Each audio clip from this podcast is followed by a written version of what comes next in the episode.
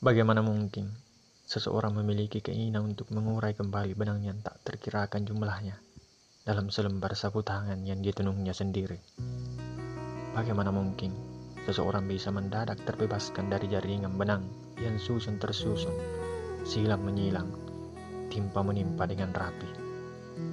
Di selembar sapu tangan yang sudah bertahun-tahun lamanya ditenung dengan sabar oleh jari-jarinya sendiri, oleh kusinyannya sendiri, oleh ketabahannya sendiri, oleh tarikan dan hembusan napasnya sendiri, oleh rintik waktu dalam benaknya sendiri, oleh kerinduannya sendiri, oleh penghayatannya sendiri, tentang hubungan-hubungan pelik antara perempuan dan laki-laki yang tinggal di sebuah ruangan kedap suara yang bernama kasih sayang. Bagaimana mungkin